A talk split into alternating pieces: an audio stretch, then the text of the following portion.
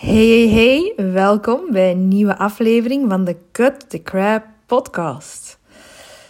Ja, het onderwerp voor vandaag is het doorbreken van intergenerationeel trauma.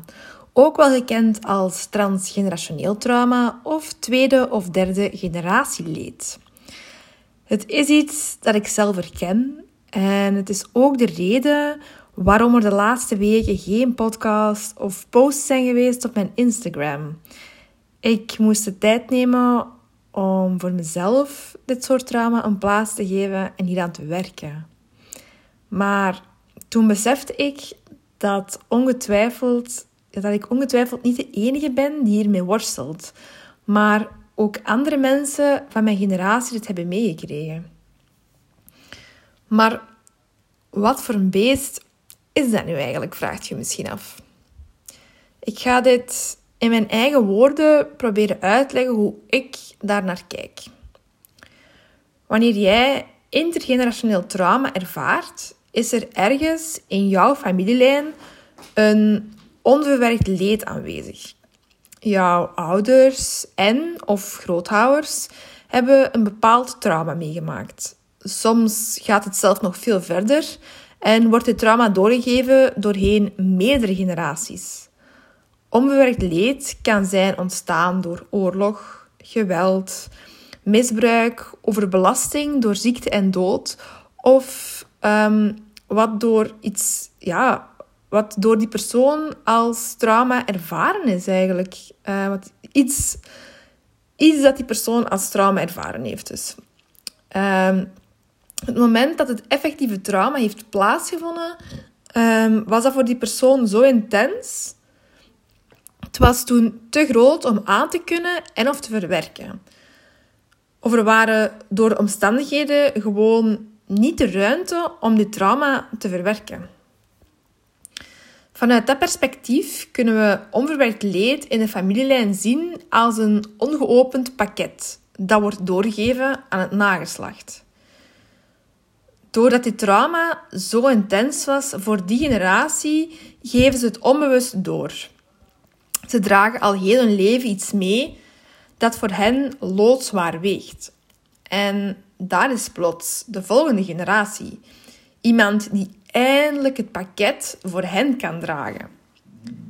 En als jij het pakket ontvangt, ontvang jij ook alle beladenheid die hier ophangt. Dus ook al maakte jij trauma niet zelf mee, doordat die generatie voor jou het niet verwerkt heeft, heb jij nu onbewust van hen de taak gekregen om dit loodzware pakket te dragen. Je hebt hier mogelijk zelf niet bewust, al je bent hier mogelijk zelf niet bewust van en je hebt er al helemaal niet bewust voor gekozen. En intergenerationeel trauma kan zich dan ook uiten op verschillende manieren zoals onverklaarbare ziektebeelden, zoals chronische pijn en fibromyalgie, maar ook in onverklaarbare gevoelens van verdriet, angst of minderwaardigheid. Bij mij heeft het zich sterk geuit in niet geleerd te hebben hoe ik met mijn emoties moest omgaan, terwijl ik ze wel erg intens ervaarde. Dit met meerdere depressies en burn-out tot gevolg uh, enkele jaren terug. Je kunt het ook merken aan je hechtingsstijl. Als een van je ouders te maken heeft gehad met trauma uh, van zichzelf of diens voorouders, dan is het vaak ook te merken in de opvoeding. Het is niet iets dat ze bewust doen, maar toch kun je er onveilig gehecht door geraken. Je ouders hebben vaak een bepaalde copingstrategie gebruikt om met het trauma om te gaan, zoals ze doen alsof het niet bestaat. Bij mij persoonlijk, als hoogstief persoon, is dit een coping die heel erg in conflict ging met wat er innerlijk bij mij eigenlijk gebeurde. Ik ervaarde juist alles heel intens. En door te doen alsof het niet bestond, is het juist in mijn gezicht ontploft. En dat is zoals een strandbal constant onder water duwen. Dat vraagt bijna alle kracht die je hebt, maar uiteindelijk vindt deze toch een weg om terug naar de oppervlakte te komen. En met intergenerationeel trauma zal dat aan de oppervlakte blijven komen tot iemand de verantwoordelijkheid neemt om het trauma te verwerken.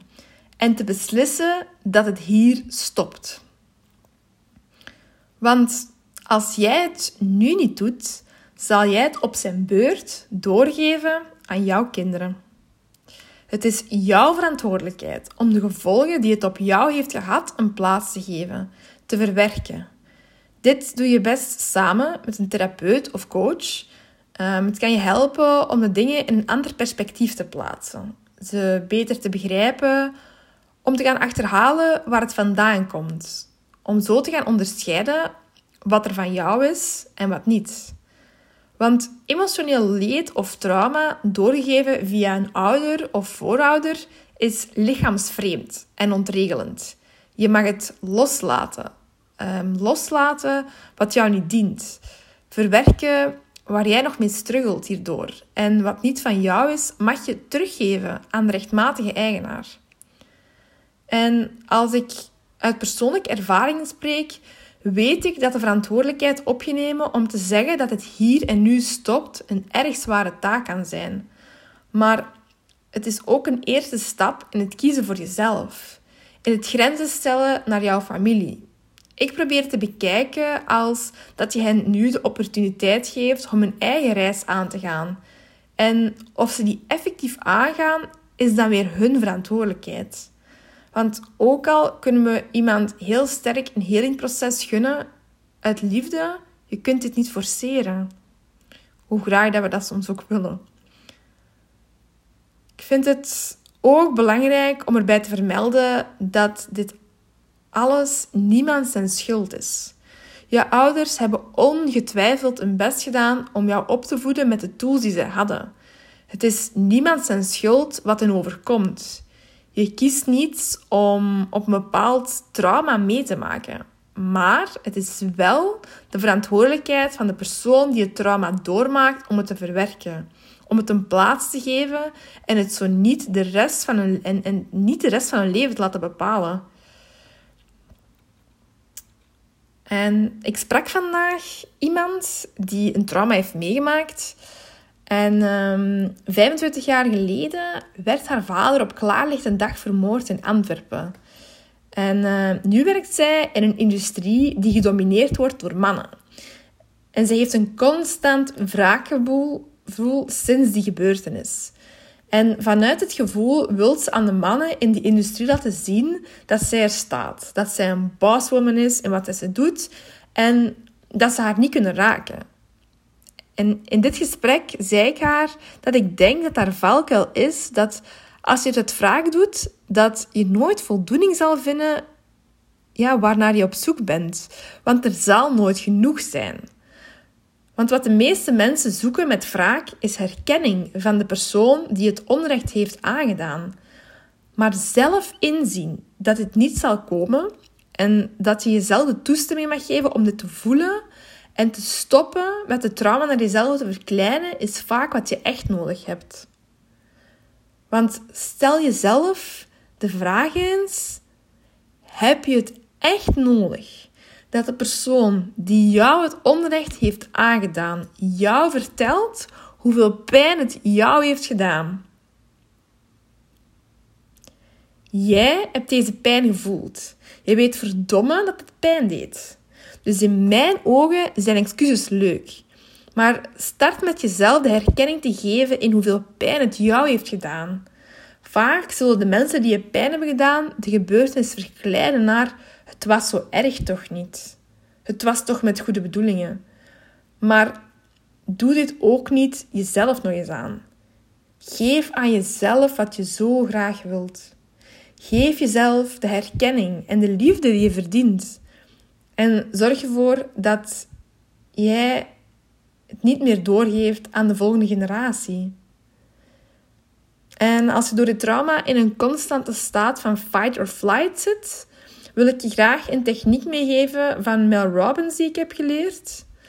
Je zo voelen in fight or flight, dat kan eruit zien als constant aanstaan, als je paniekerig voelen, constant je onrustig of gestrest voelen het gevoel hebben dat je weg wilt, ook al is daar geen reden voor. De techniek zelf houdt in dat je jezelf een high five op je hart gaat geven. Deze gaat als volgt. Je legt je handen op je hart, adem diep in en herhaal dan het volgende mantra. Ik ben oké. Ik ben veilig. Ik ben geliefd. En je blijft dit doen tot je jezelf terug gegrond voelt. Tot je het gevoel hebt weer aanwezig te zijn in je lichaam. Hier wou ik mee afronden voor vandaag. Ehm, dit is ook wat ik doe in mijn coachings. Luister naar de mensen en ze dan concrete technieken aanreiken om mee aan de slag te kunnen. Ehm, daarom dat ik altijd de podcast zo graag op deze manier ook afrond. Heel erg bedankt voor het luisteren. Vond je deze podcast waardevol? Mag je me het altijd laten weten via Lisa underscore de coach naar verbinding op Instagram. Of geef de podcast een rating, deel hem op je socials en help anderen er ook mee. Oké, dankjewel en tot de volgende keer.